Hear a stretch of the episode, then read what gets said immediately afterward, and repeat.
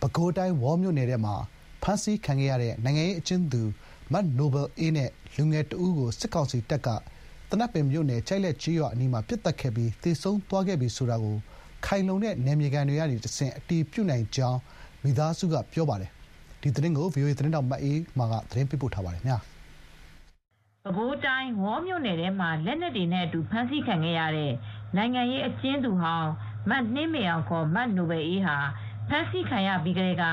မိသားစုနဲ့ အဆက်အသွယ်မရဖြစ်ခဲ့ပြီး အခုအခါမှာတော့ သေဆုံးသွားခဲ့ပြီလို့ အတည်ပြုနိုင်ကြောင်း မောင်ဖြစ်သူ ကိုထက်မြတ်က ပြောပါတယ်။ဟိုထွက်ပြေးတယ်ဆိုတဲ့ အကြောင်းပြချက်နဲ့တက်လိုက်တယ်ဆိုတဲ့ဟာပေါ့နော်။အဲ့ဒါအန်ကိုဟိန်း ခေါ်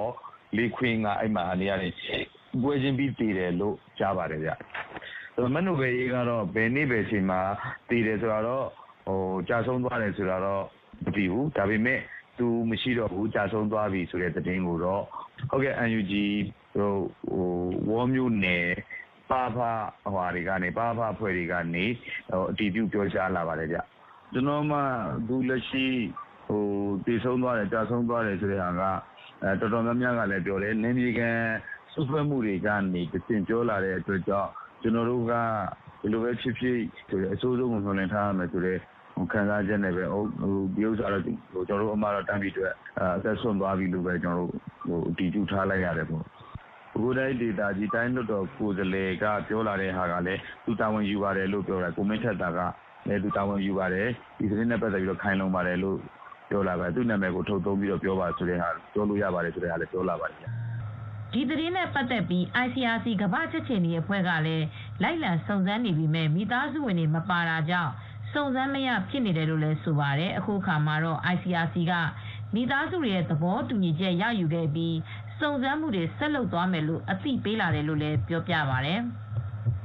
ICRC ကအတီတော့မပြုသေးဘူးဒါပေမဲ့သူတို့ကအဲ့ဒါကိုအဲ့ဒီဒီစင်းရှိတယ်ဒီလူပြောင်းနေတယ်အဲ့ဒါကျွန်တော်တို့စစ်တပ်ဘက်မှာရှိတယ်ဆိုတဲ့သတင်းရတယ်ပေါ့ဒီလိုမျိုးသတင်းဌာနတွေကလည်းတက်ထားတာတွေရှိတယ်ပေါ့အဲ့ဒါကျွန်တော်တို့ပြောပါပြီးတော့သူတို့ကလိုက်မယ်ပေါ့နော်မန်နိုဘယ်အေးကိုပြီးခဲ့တဲ့ဇန်နဝါရီလ29ရက်နေ့ကပဲခူးတိုင်း ညောင်ခါရှိဂိတ်မှာဖမ်းဆီးခံခဲ့ရတာဖြစ်ပါတယ်။ဖမ်းဆီးခံရစဉ်မှာစစ်ကောင်စီကိုထောက်ခံတဲ့ဝါရဖြန့် Telegram Channel ကနေသူမဟာလက်နက်တွေတည်ဆောင်လာပြီးဖမ်းဆီးခံရတာဖြစ်ကြောင်းထုတ်ပြန်ခဲ့တယ်လို့သူမနဲ့အတူလူငယ်တဦးကိုပါဖမ်းဆီးထားခဲ့ပါတယ်။သူမဟာနိုင်ငံရေးအကျဉ်းသူဟောင်းတစ်ယောက်ဖြစ်ပြီးအခုဖမ်းဆီးခံရချိန်မှာကျန်းမာရေးမကောင်းသူတဦးလည်းဖြစ်ပါတယ်။သူမကိုဖမ်းဆီးချိန်ကစလို့နှစ်ပတ်ကျော်ကြာတဲ့အချိန်တွင်းမှာအခုလိုမျိုးသူမသေဆုံးပြီဆိုတဲ့သတင်းထွက်ပေါ်လာတာဖြစ်ပါတယ်ရှင်။